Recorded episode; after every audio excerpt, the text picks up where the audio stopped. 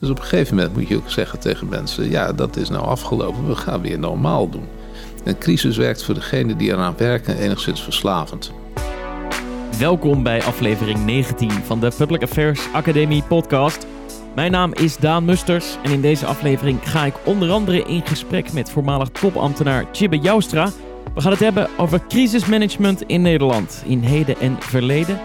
Ook hoor je Michael Rutgers, directeur van het Longfonds en voorzitter van de vereniging Samenwerkende Gezondheidsfondsen.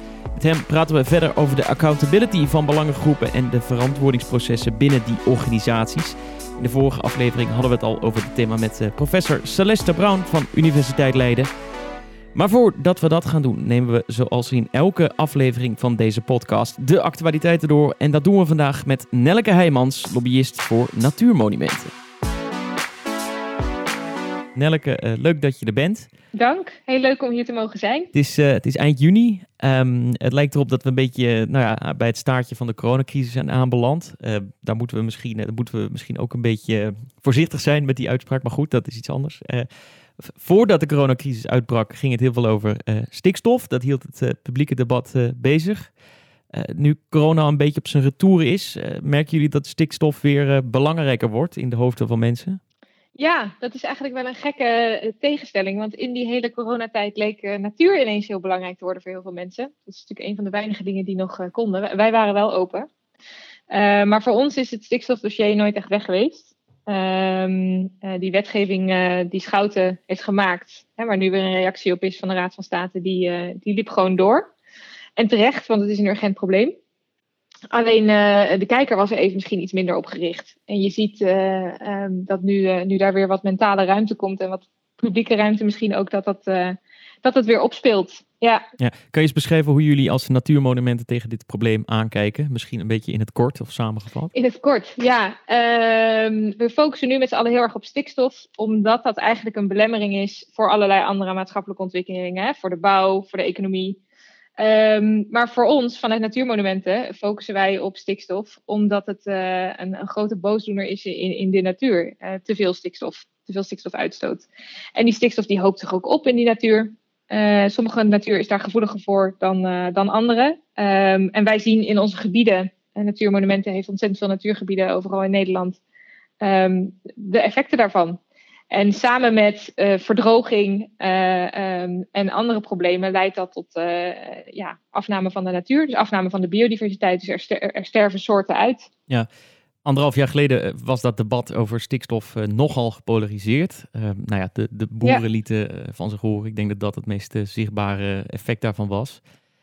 is, er, is er een beetje rust in de tent gekomen ondertussen? Misschien ook juist doordat de aandacht er wat minder op was? Ik denk dat met rust, nou ja, misschien wel. Misschien is er wel wat rust in de tent gekomen, vooral door corona. En, en kun je in die luwte dan ook wel met elkaar om tafel gaan. Kijk, het is best wel ingewikkeld. Gisteravond, hè, wij praten nu op 30 juni, gisteravond zat uh, Jan-Willem Erisman bij Nieuwsuur. En die vertelde daar uh, uh, waar het stikstofprobleem het meest urgent is. En dat er echt heel veel meer moet gebeuren. Nou, dat zien wij ook. En ecologisch is dat ook zo. En dan zie je gelijk een tegenreactie van de boeren van, nou, volgende week woensdag staan wij weer op het Malieveld. Um, dat is best ingewikkeld, ook voor ons als natuurmonumenten. Want wij willen ook graag de rust uh, bewaren en kunnen hebben om, om tot oplossingen te komen. Maar wij voelen natuurlijk ook die urgentie voor de natuur. Dus wat wij hebben geprobeerd is om, uh, en, en wat ook gelukt is, is om um, uh, juist omdat de natuur dus die sleutel is, hè, wat ik net al zei, stikstof moet opgelost worden voordat je andere dingen kan doen. Daarmee is natuurherstel de sleutel om tot andere ontwikkelingen te komen.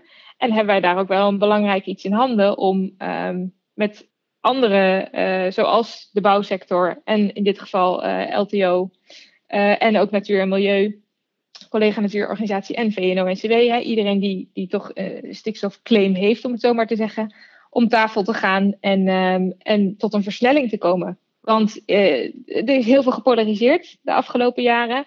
Nou, dan komt er iets van rust. Maar wij zitten vooral te kijken van oké, wat gebeurt er nu? En uh, um, een collega van mij die zegt wel eens, uh, uh, de patiënt die, die ligt in coma, we moeten nu echt iets gaan doen, anders overlijdt hij en dan is de patiënt de natuur. Dus voor ons, los van de discussies over hoeveel stikstof er gereduceerd moet worden, is voor ons belangrijk dat we het heel snel gaan doen en nu gaan doen. dus in die zin is er geen rust, maar we hebben wel geprobeerd om een versnellingsprogramma op te stellen met die partijen die ik zojuist noemde. Ehm, om iets te gaan doen. Ja, jullie zeggen we doen dat om de, om de stikstofimpasse uh, te doorbreken. Ja. Hoe, kun, kun je het proces daar naartoe eens beschrijven? Hoe, hoe kan het dat er dus nu, nou ja, in ieder geval met deze partijen die je net beschrijft, uh, waaronder dus de, de landbouworganisatie, waarom er dus nu nou ja, iets, iets op tafel ligt? Ja, ik denk daar dat, dat daar verschillende kanten aan zitten. Dus ik denk dat er, um, um, wat ik zei, inhoudelijke urgentie is, ook voor al die partijen. Hè? Uh, uh, Bouw Nederland wil graag bouwen, dus er moet iets met stikstof gebeuren. VNO wil graag ontwikkelen, dus er moet iets met stikstof gebeuren. En de boeren willen ook perspectief, en terecht. Um, dus vanuit het gezamenlijke belang om iets te doorbreken, uh, zijn we aan tafel gaan zitten. Dus, dus dat is een reden waarom we daar nu toe zijn gekomen. En ik denk ook dat als je kijkt naar het type partijen dat het allemaal wel partijen zijn die, um, nou ja, als je het zo wil zeggen, vuile handen durven te maken. Het zijn allemaal wel partijen die uh, verantwoordelijkheid durven te nemen. Wat wel lastig is in een heel gepolariseerd landschap. Want je, je hebt ook organisaties, bijvoorbeeld boerenorganisaties, die zeggen: Nou, LTO, uh, uh, waarom doe je dit? En je hebt ook natuur- en milieuorganisaties die zeggen: gewoon natuurmonumenten, waarom, waarom doen jullie dit? Maar wij doen dit omdat we uiteindelijk toch een resultaat willen en, en snel uh, uh, reductie van stikstof willen. En dat is, dat is denk ik wat deze partijen uh, bindt op dit thema. Tegelijkertijd zien wij dat het natuurlijk um, dat het probleem niet, niet weg is omdat wij met deze partijen nu dit, dit versnellingsprogramma hebben gepresenteerd. Maar het is wel een duit in het zakje. En um, ja, je zit natuurlijk ook in een tijd uh, je zat in aanloop, of je zit nog steeds, we weten niet hoe lang de formatie duurt, maar je zit in aanloop naar de formatie. Nou, dan kun je, uh, we hebben al uh, meer dan tien jaar een, een, rechtse meerderheid in Nederland. Dus je kan dan afwachten wat die, wat die formatie doet en, en wat die meerderheid gaat vinden van stikstof.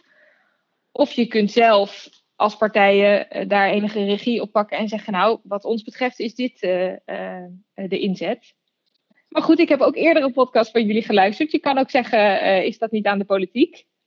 Um, om dat te doen en niet aan deze partijen. En uh, dan zou ik zeggen, ja, dat is zeker aan de politiek. Maar de politiek heeft het de afgelopen jaren niet gedaan. Um, dus dan denk ik dat het legitiem is dat je um, als belangen uh, dan maar bij elkaar gaat komen en het, en het zelf gaat doen. Uh, een, van, een van de dingen die jij um, ook graag wilde bespreken, want we hebben dit eh, gesprek natuurlijk een beetje mm -hmm. voorbereid, uh, is, is het boek Uit Balans. Uh, dat verscheen deze week, als ik het goed heb, van ja. Mark van Twil. Um, die, die nam afgelopen jaar afscheid als algemeen directeur van Natuurmonumenten. En Björn van der Boom, hoofd Public Affairs, ja. als ik het goed heb. Hè? Klopt. waarom, waarom wil je zo graag bij dit, bij dit boek stilstaan? Nou, omdat ik denk dat, hey, jij zei actualiteit en dan denk je bij natuurorganisaties zo gaan we aan stikstof en dat is terecht. Maar wat je daarin ziet is eigenlijk he, die dilemma's van uh, wat doe je wel, wat doe je niet en, en uh, nou, wat vinden je groene vrienden daarvan um, uh, en hoe, hoe kom je nou tot een, tot een balans in de natuurbescherming in een heel druk land. dat is eigenlijk wat, wat Björn en Mark heel mooi hebben opgeschreven in dat boek. Um, en waarom wilde ik daarbij stilstaan? Uh, omdat je, nou ja, polarisatie, als ik zeg polarisatie gaat steeds verder en uh, verhevigt, nou, dat zie je in de, in de versplintering in de Kamer. Dat zie je in verharding van debatten. Hè. Gisteren bij Nieuwsuur een, een, een die zegt: Ik snap wel dat mensen tot klokploegen willen overgaan.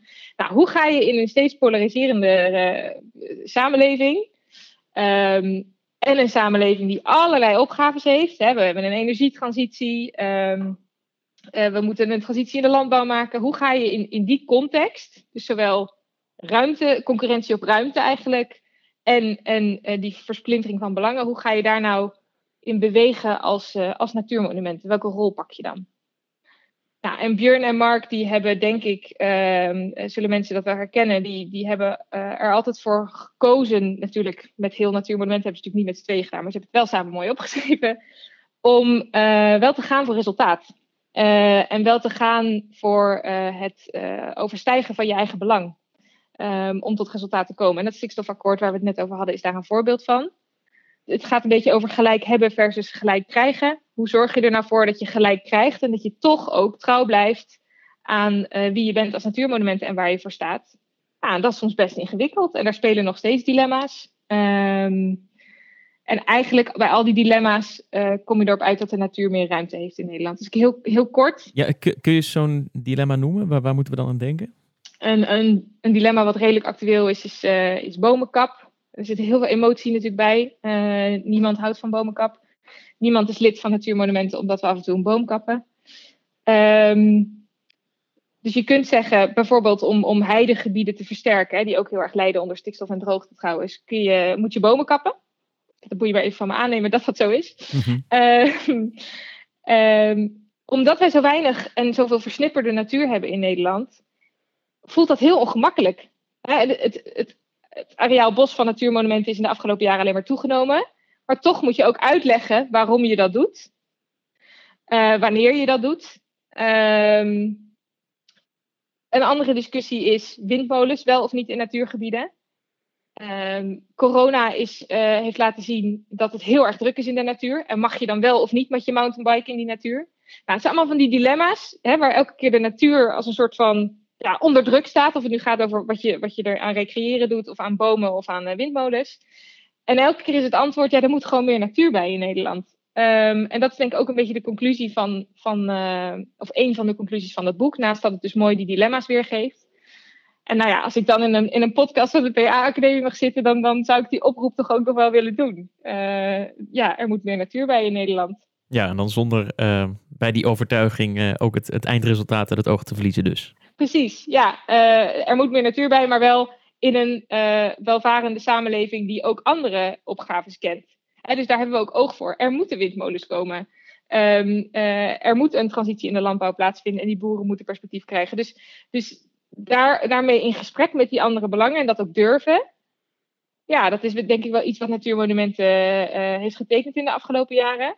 Maar daar loop je ook tegen dilemma's aan. En uh, daar heel open en um, met twijfel, maar ook met zelfverzekerdheid over durven spreken dat vind ik mooi als dat lukt in een boek. En uh, nou, daarom, daarom, was ik er enthousiast over en wilde ik het graag uh, met je bespreken. Ja, het staat dus in uh, Uitbalans van Mark van Tweel en Björn van den Boom. We zullen ook een linkje plaatsen naar dat boek in onze beschrijving.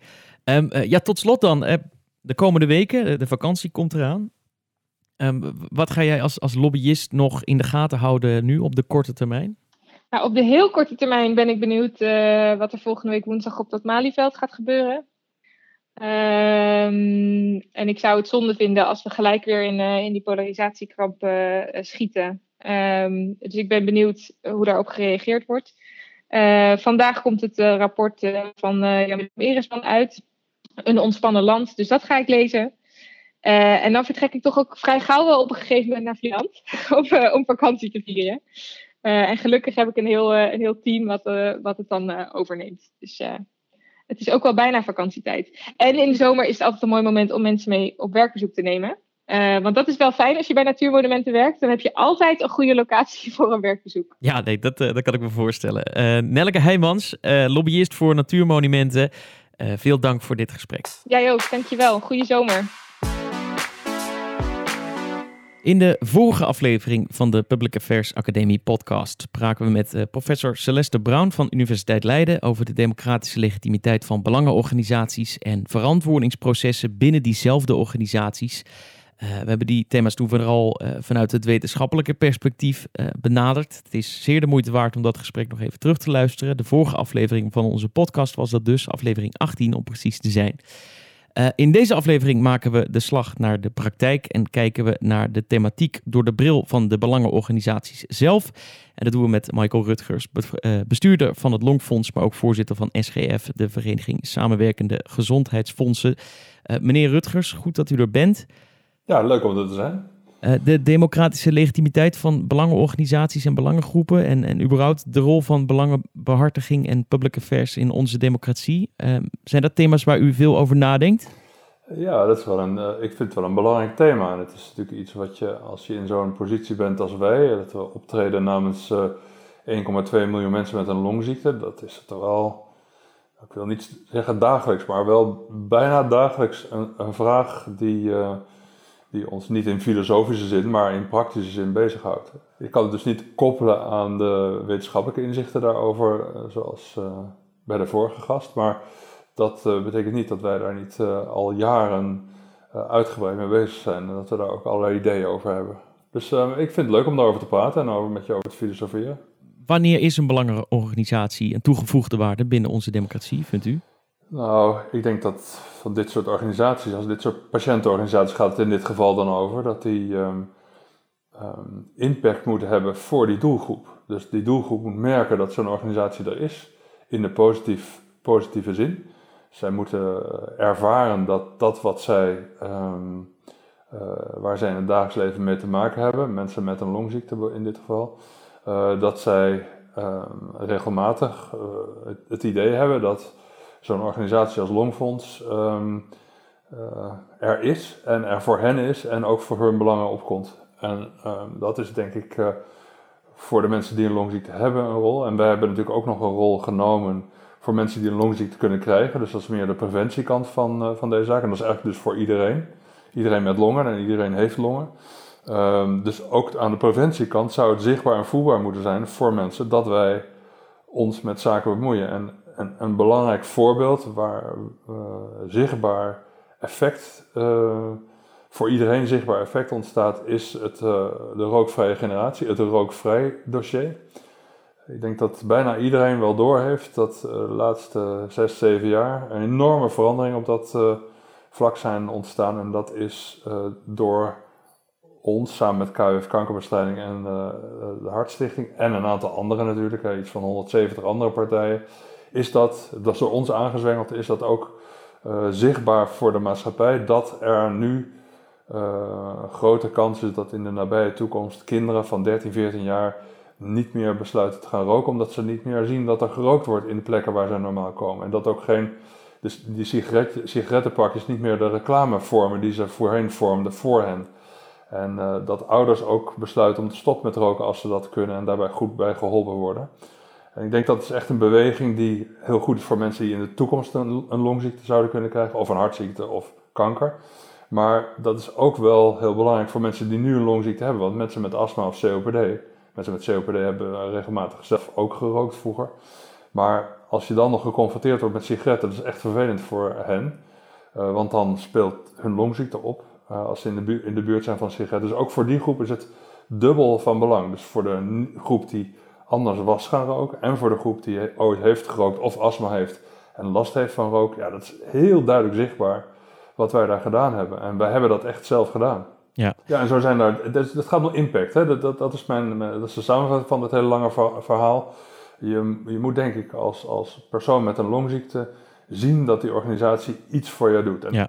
Ja, dit, dit raakt aan het thema waar we met Celeste Brown over spraken, namelijk de, de accountability van belangengroepen. Um, nou ja, dat, zou je kunnen zeggen, dat is de, de mate waarin uh, belangengroepen verantwoording afleggen aan hun achterban. Eh, we gaan het zo hebben over SGF, ehm, waar dit allemaal weer wat complexer ligt. Want dan gaat het weer om een organisatie die weer meerdere organisaties vertegenwoordigt.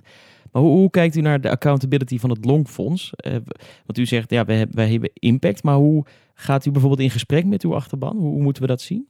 Ja, er, zijn, er is een aantal um, afspraken gemaakt, statutair. Wij zijn een stichting, en wij zijn geen vereniging.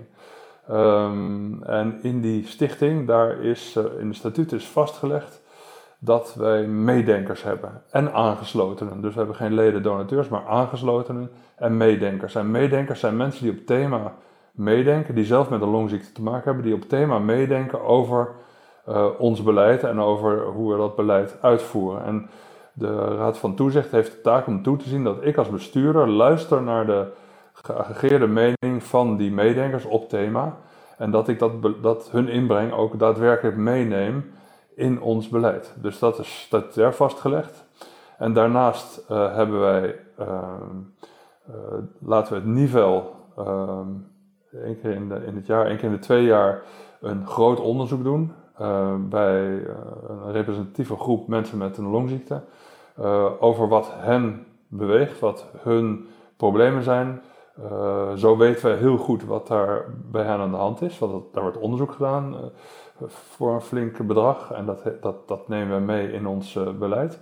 En daarnaast hebben we nog de advieslijn en de servicelijn. Met name de advieslijn, daar komen dagelijks vele telefoontjes en e-mails binnen van mensen die zorg hebben over zaken.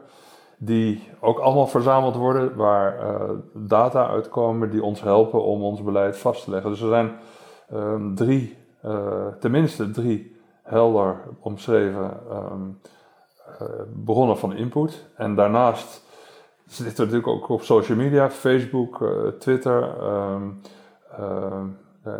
en een aantal andere social media, en LinkedIn, noem maar op.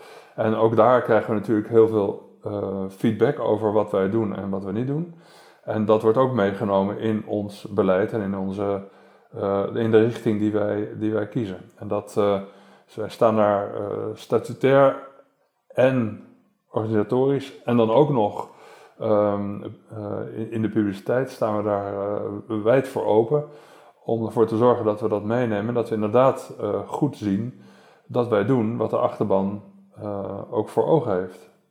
Ja, nu wordt er wel eens gezegd dat er een, een bepaalde spanning bestaat tussen aan de ene kant hoe, hoe in hoeverre de achterban betrokken is bij een organisatie en in hoeverre die organisatie ook efficiënt kan zijn, bijvoorbeeld aan de onderhandelingstafel. Bent u het ermee eens dat er, een, dat er een spanning is en ervaart u dat ook soms zo? Ik denk dat die er wel theoretisch wel is, maar in de praktijk daar is natuurlijk 100% overlap tussen wat wij aan de onderhandelingstafels uitvoeren en wat onze hele achterban vindt. Dat is natuurlijk eigenlijk onmogelijk als je 220.000 mensen in de achterban hebt. Eigenlijk 1,2 miljoen mensen met een longziekte, dan, dan wil dat natuurlijk wel eens uh, anders lopen. Er zijn ook er zijn ook mensen die vinden dat wij niet hard genoeg lopen op gezonde lucht bijvoorbeeld. Hè. Er zijn mensen met longziekte die enorm last hebben van houtstook van de buren. En sommige mensen willen dat wij pleiten voor het verbieden van houtstook. Ja, wij hebben ervoor gekozen om daar de, zeg maar, de parlementaire weg te kiezen. En um, eerst de bewustwording over de gevolgen van houtstook um, in de maatschappij uh, goed duidelijk te maken, zodat je ook uh, met een goede steun in de burgerij um, de politiek stappen kunt laten zetten. Want wij hebben al lang ervaren dat de politiek nooit een stap zet als niet de meerderheid van de bevolking er ook iets van vindt. Dus je kunt niet eisen dat iets verboden wordt of, of, of uh, dat er een, dat een verbod komt, een wettelijk verbod komt, als er niet steun voor is in de maatschappij. Dus wij zien het als onze taak om op te treden in het maatschappelijk middenveld. En in het maatschappelijk middenveld uh, een beweging veroorzaken die kan leiden tot een meerderheidsvisie bij de, dat zoeken we dan ook uit, hè, dat, uh, hoe de bevolking daar tegenaan kijkt. En als wij, we hebben, hadden we bijvoorbeeld letterlijk gemerkt, um, hebben we dat gemerkt bij de rookvrije eh, schoolterreinen.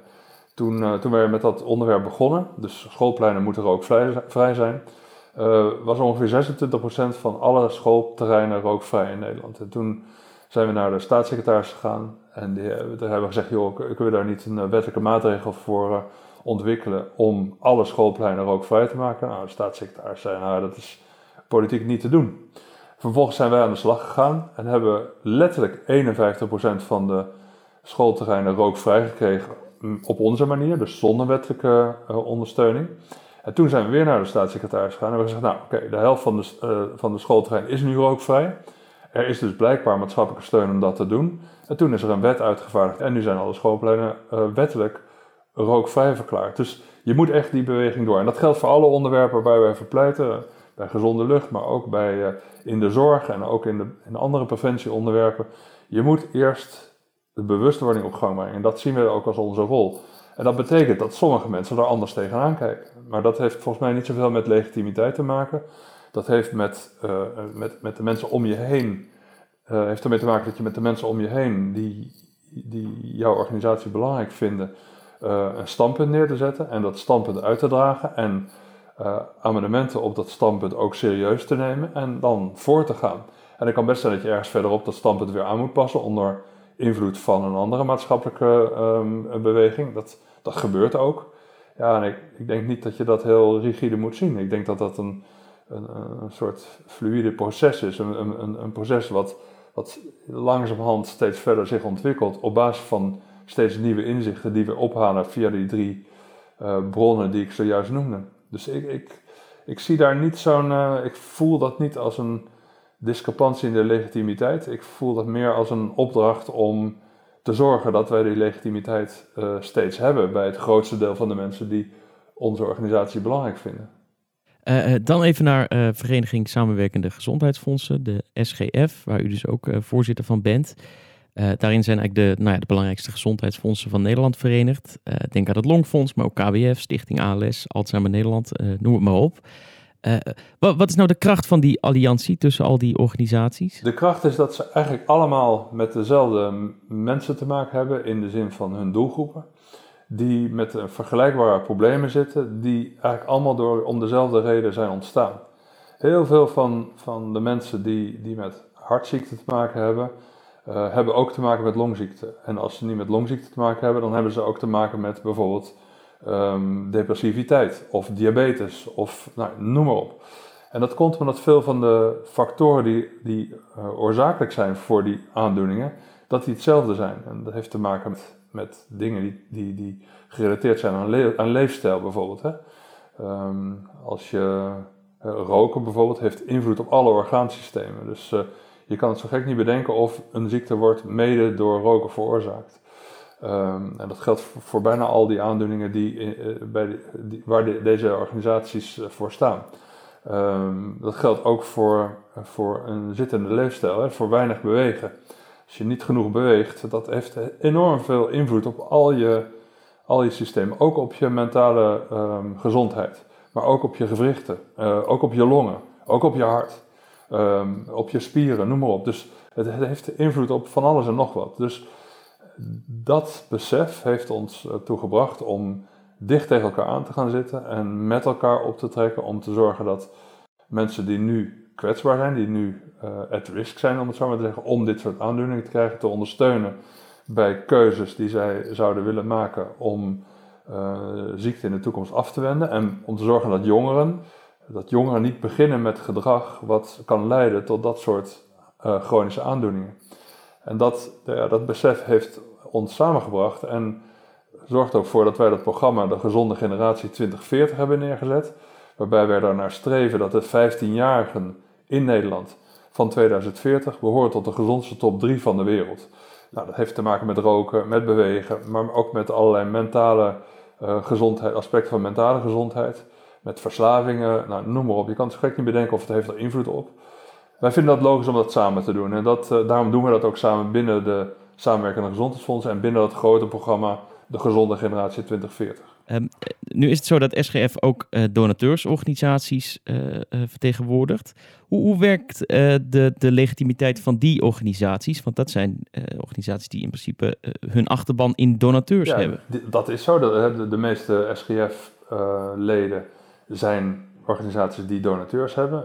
Bij het Longfonds is dat iets anders, omdat wij iedereen die iets met ons te maken wil, wil hebben en die iets aan ons wil geven in tijd of geld of anderszins, uh, of als meedenkers, dat, die, uh, dat is één grote groep. Maar als je, uh, veel andere organisaties denken nog in, in donateurs. En ik denk dat dat prima is, want gemiddeld is 80% van de donateurs heeft ook echt iets te maken met de ziekte, maar de ziekte waar dit, zo'n organisatie voor staat. Maar wat er ook vroeger gebeurde, is dat mensen op straat benaderd werden door wervers, om het zo maar te zeggen. En dat waren donateurs die er eigenlijk niks mee te maken wilden hebben, die gewoon dat een aardige jongen of meisje vonden en die dan donateur werden voor een tijdje en dan ook weer vertrokken.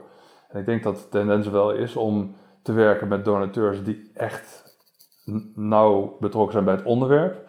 En die zijn dan ook in zich al een leg legitimiteit van het werk van die organisaties. Dus als je dat soort mensen kunt boeien en binden, dan kun je laten zien dat je, dat op die manier zie je dan ook dat je uh, nodig en nuttig bent. En, en dat, dat is voor dat soort organisaties wel een vorm van onderbouwen van, van, van het belang, van, van, van de uh, legitimiteit van die organisatie. Dus dat, uh, dat, dat, dat is, is ook aan het veranderen. Er zijn, Longfonds gaat niet meer langs de deuren, heeft geen jongens en meisjes meer op de straten om te vragen om donateur te worden. Wij willen graag samenwerken met iedereen die iets wil doen met ons om longziekte te voorkomen of mensen met longziekte te ondersteunen. En dat, ja, dat, dat gaat bij ons om duizenden mensen die dat vrijwillig doen en om honderdduizenden mensen die dat ook financieel doen. En dat, uh, ja, dat, is, dat is een mooie beweging, denk ik, en een belangrijke beweging.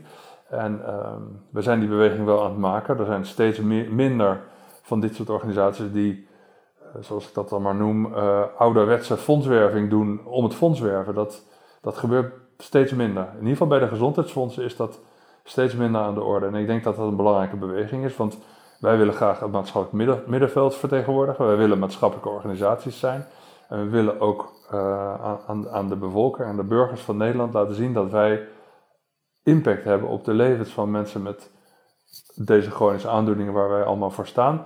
Of op mensen die die aandoeningen zouden kunnen krijgen. En dat is het bestaansrecht van dit soort organisaties.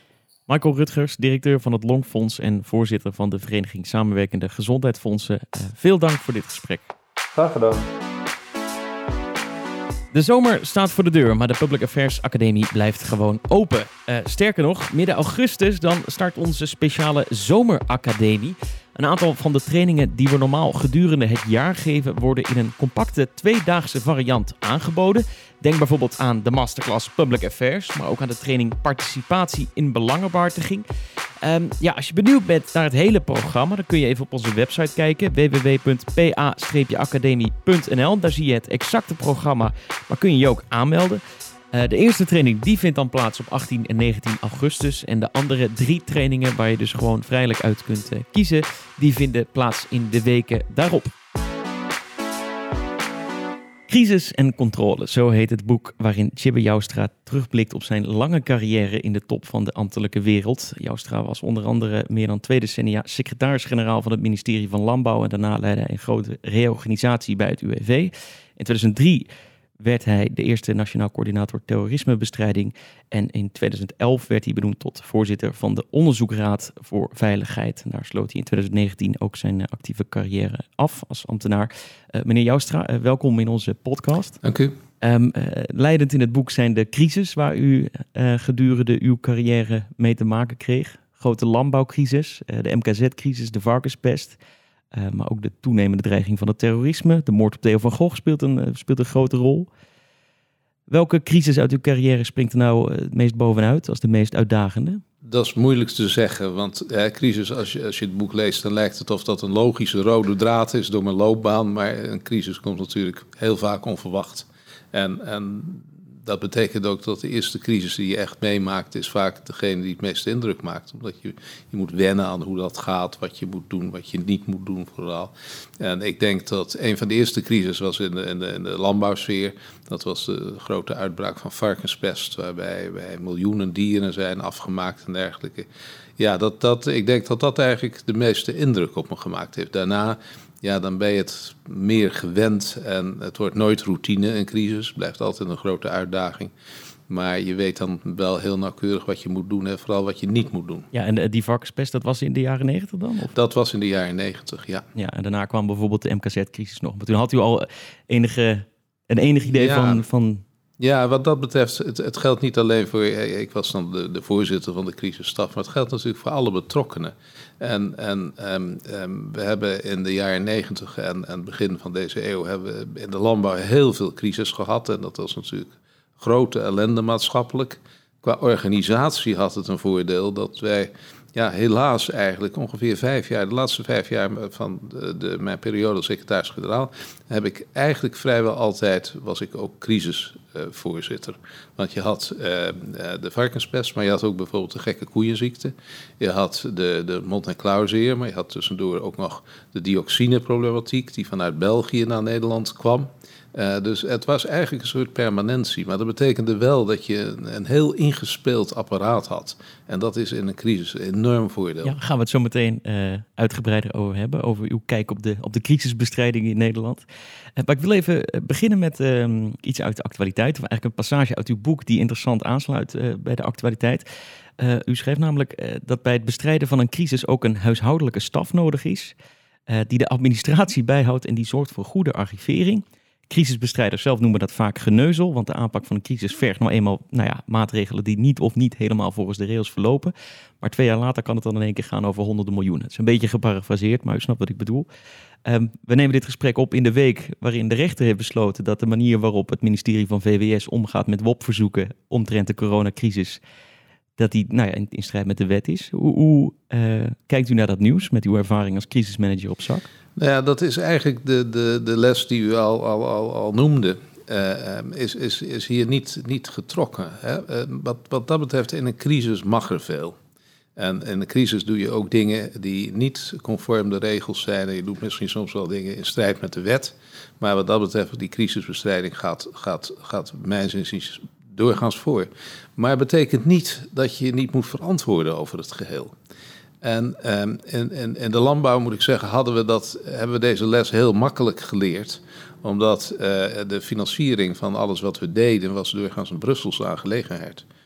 En ik kan u verzekeren, als je honderden miljoenen claimt in Brussel, dat dan de, inspecteurs van het VOG, et cetera, nou, die, die, die zijn vrij ingewikkeld op dat gebied. Dus het was wel begrepen eigen belang ook dat je zei van ja, we doen dingen en, en we doen misschien ook dingen soms anders en misschien wel soms in strijd met een richtlijn, maar we gaan wel alles heel nauwkeurig op het moment zelf verantwoorden. Uh, want we moeten later um, um, de rekening indienen en die moeten we kunnen verdedigen en die moeten we dus hard kunnen maken. Dat is een, een wat algemener punt. Hè. Wat je in, in, een crisis vaak ziet is dat er één crisisstaf is waar rijp en groen, klein en groot probleem wordt besproken. En wat dat betreft heb ik altijd een soort drieslag gehad bij dat soort zaken. Eén, een crisisstaf die echt operationeel is. Die in, in gevallen van, van, van uh, dierziekten ja, beslist van vandaag gaan we dat gebied ruimen en we nemen die maatregelen en we maken een corridor dat de melk nog naar een fabriek kan, et cetera. De echte operationele crisisbestrijding.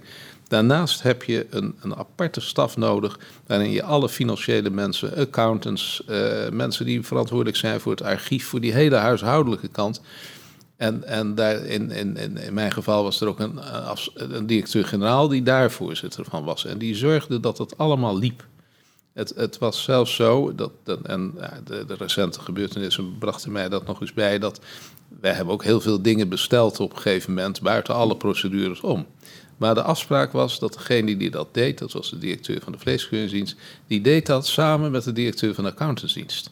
Want ik wilde wel dat het misschien verkeerd was wat we deden, maar dan schreven we wel op dat het verkeerd was. Dat we dat wel achteraf konden verantwoorden. Een derde cluster van crisisbestrijding is de lange termijn. En als je een crisis hebt, kijk als een, een terroristische crisis, ja, dat is de, doorgaans een aanslag, een bom, et cetera. Ja, dat is opruimen van de ellende. En, en, en kijken van ja, kan er elders nog wat gebeuren. Maar als je een crisis hebt die dus maanden of jaren duurt, dan moet je onmiddellijk beginnen om ook over de lange termijn te denken. En die lange termijn, die moet je niet in die crisisstaf doen. Om twee redenen. Die crisisstaf moet de crisis bestrijden. In tweede plaats, voor die lange termijn heb je een ander type mensen nodig. In een crisisstaf, daar moet, moeten zaken worden gedaan, beslissingen worden genomen. Lange termijn, dat vergt mensen die, die nadenken over maatschappelijke ontwikkelingen, et cetera. En in mijn landbouwperiode hadden we altijd een aparte staf voor de lange termijn. En de enige linking pin was ik eigenlijk zelf, want ik was ook voorzitter van die staf. Maar voor de rest zaten daar echt andere mensen in die geen crisisbestrijding deden.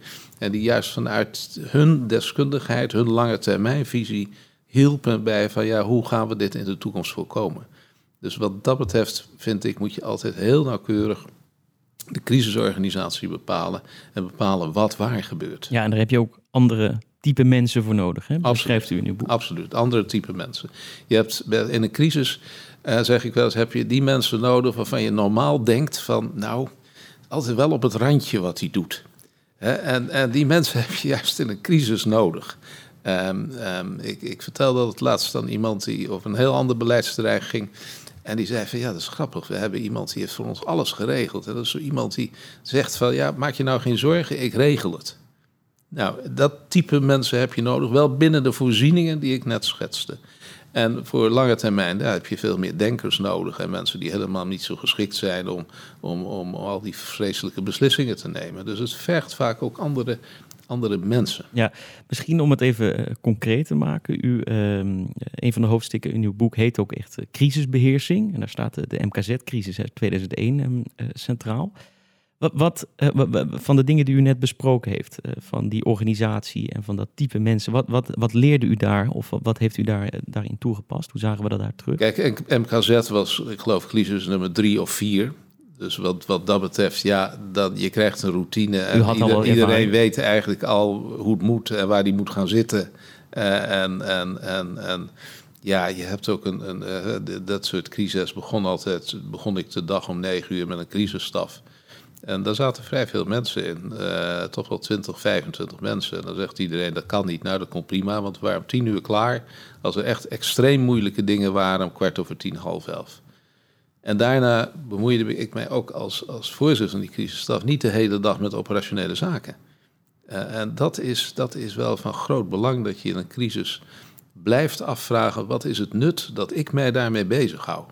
Of zijn er eigenlijk andere mensen die dat veel beter kunnen? Uh, dan even naar een, een ander thema, hier, hierbij aansluitend. Wat is er in tijden van crisis geoorloofd? Ik las net al die passage uit uw boek waarin u aangeeft, ja, in, tijden van crisis heb je eigenlijk geen andere keus dan een beetje buiten de lijntjes kleuren. En dan moet je het soms ook, uh, hoef je het soms niet altijd even nauw te nemen met, met de regels. zo simpel is het.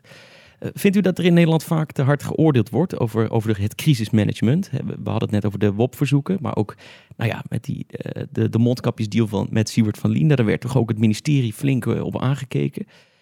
Vindt u die kritiek terecht of gaan we daarin te ver? Ja, dat, dat ligt er een beetje aan. Kijk, eh, als, je, als je dat uh, alles over die mondkapjes, dat is eigenlijk, ja, dat is een, een, een, een onderdeeltje van, van crisis. Maar dat is niet de kern van de nee, crisis. Ik, ik moet heel eerlijk zijn, ik begrijp niet dat zoveel mensen kennelijk met mondkapjes bezig zijn geweest. Hm. Want de crisismanager die zegt één ding, hebben wij mondkapjes? Zo nee, dan zorg je dat ze er komen. En voor de rest bemoei je je daar niet mee. Dan wijs je een paar mensen wel die er verstand van hebben en uh, daar, daar vertrouw je op. Dus het is voor mij heel verrassend als ik lees wie er zich allemaal met mondkapjes bemoeide, tot, tot ministers toe. Dat lijkt me niet een hele adequate crisisbeheersing. Uh, de kern van de crisis, ja, dat, dat is natuurlijk iets. Een crisis is iets ongewoons en is maatschappelijk geeft dat uh, negatieve gevolgen. En dat betekent altijd dat, dat, dat uh, de mensen die het treft, zullen altijd heel kritisch en vaak negatief zijn over de crisisbestrijding. Hoort er een beetje bij. Dat, dat vind ik ook. Hè. Er zijn ook, ook af en toe uh, zaken die nieuw zijn en die dan in eerste instantie niet werkten. Je hebt communicatieproblemen. Het is, het is ook voor degene die de crisis bestrijden vaak de eerste keer dat ze het doen.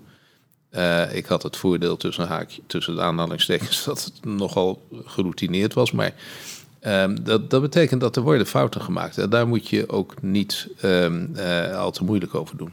Ik, ik heb in de tijd dat ik die landbouwcrisis deed, was de vaste Kamercommissie, die zei ook altijd: uh, zeker in het begin van de crisis, van nou, de minister en zijn mensen die moeten hun werk doen en achteraf gaan we praten hoe het gelopen is. Dat vond ik altijd heel fair. Um, uh, ik, ik, zei ook wel eens, ja, ik, ik wil best al, al, verantwoording afleggen, maar mag ik de fouten eerst nog even maken? Want je maakt fouten in een crisis. Dus ik vind het een, een, een, een genuanceerd. In de kern van de crisis zal altijd kritiek zijn. Um, dat is, is, is, is logisch vanuit degene die, die het betreft. Ik, ik zag laatst een interessante vierdelige televisiedocumentaire over de mensen die eh, tijdens de MKZ getroffen waren, die in dat gebied rond, rond, rond uh, Oene woonden.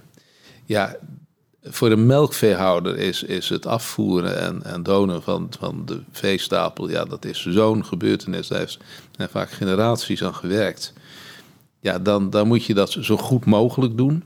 Uh, uh, maar ja, het is begrijpelijk dat, dat men daar natuurlijk ja, zo door getroffen wordt. Dat, dat geeft een negatieve, uh, heeft een negatieve impact. Daar kun je niks aan doen. Um, hier, hierbij aansluitend, een ander hoofdstuk in uw leven. U werd in 2004 de eerste Nationaal Coördinator Terrorismebestrijding. U zette die dienst ook zelf op. en u bleef daar tot 2009. Um, later zou die organisatie, dat zou de NTCV worden, eh, zoals we hem nu kennen. Nou is de NTCV dat is echt een, um, een, ki een, kind van, van zijn tijd. Hè. Aan het begin van de eeuw opgericht omdat de dreiging van het terrorisme eh, groot werd. Um, en, en we kwamen eigenlijk tot de conclusie dat we er nauwelijks zicht op hadden. Ik denk dat dat, dat komt ook naar voren in het boek. Dat was de, de voornaamste reden dat die dienst werd opgezet. En nu is de laatste tijd veel kritiek op die dienst. Uh, die is in crisistijd opgezet, kunnen we, zouden we kunnen zeggen. En nu blijkt dat bijvoorbeeld de juridische grondslag beperkt is. De mogelijkheid tot controle vindt in ieder geval het parlement beperkt. En zelfs de werkwijze van de NCTV, daar worden vraagtekens bij gezet. Uh, wat vindt u van die kritiek, als, als, als, toch ook als architect van die dienst? Dat is goed nieuws. Want het betekent dat de terroristische dreiging niet zo hoog is. Want daar zit, daar zit in alle eerlijkheid natuurlijk een soort golfbeweging in als, als, als uh, de terroristische dreiging hoog is, zoals een paar jaar geleden, dan, dan kan dat allemaal niet, niet strikt genoeg en, en je moet van alles doen. En in tijden dat het wat rustiger is, dan uh, komen de critici en die beginnen over allerlei dingen die, ja, uh, als, als het een dreiging is, heeft niemand het daarover. Dus dat, dat, dat, dat één, het is goed nieuws. Twee, ik heb de, de, de NCTB opgezet in een tijd dat, dat nou ja, er was, was een behoorlijke dreiging internationaal. 9-11, Madrid, et cetera. Maar goed, het, het, de, de, de dienst draaide nog niet eens. Toen gebeurde al de moord op Van Gogh. Dus uh, beveiliging van heel veel politici, dus echt in, in een tijd opgericht dat, dat er nogal wat aan de hand was. En ik heb heel bewust gekozen voor, voor ik ga niet allerlei bevoegdheden vragen. Want dan ben ik, eh, als ik ermee ophoud over vijf jaar, dan heb ik nog geen enkele bevoegdheid en daar heb ik mijn hele tijd aan besteed. Dus wat dat betreft is het, is het altijd van nou, ik hoef niet zoveel bevoegdheden te hebben, we, we, we doen. Uh, nou ja, en daar komt nou af en toe kritiek op. Ik moet eerlijk zijn, ik ben niet zwaar onder de indruk van de kritiek. Uh, nog van het parlement, nog van uh, sommige kranten. Toch iets abstracter dan misschien. Uit naam van een crisis kan ook heel veel. Zijn we niet te makkelijk dingen crisissen gaan noemen? Je zou bijna kunnen zeggen dat uh, de toeslagenfraude die begin van het vorige decennium gepleegd werd, dat het ook een soort crisis situatie was. Ja, het, het, het is soms moeilijk om te definiëren wat een crisis is. Um, dat kan aan de materie liggen, kan ook aan de urgentie liggen. Ik, heb, uh, we, ik, ik noemde al de, de gekke koeienziekte. Dat, dat was in de, in de eind 80 jaar, begin 90 jaar een, een behoorlijke crisis. Uh, dat was een, een, een veterinair iets, maar daar kon, dat kon overslaan op mensen. Creutzfeldt-Jacobs was een ziekte die mensen konden krijgen. En er waren serieuze wetenschappelijke instituten in Engeland, waar het met name was, die, die voorspelden echt tienduizenden doden. En de incubatietijd was vrij lang, 12 jaar.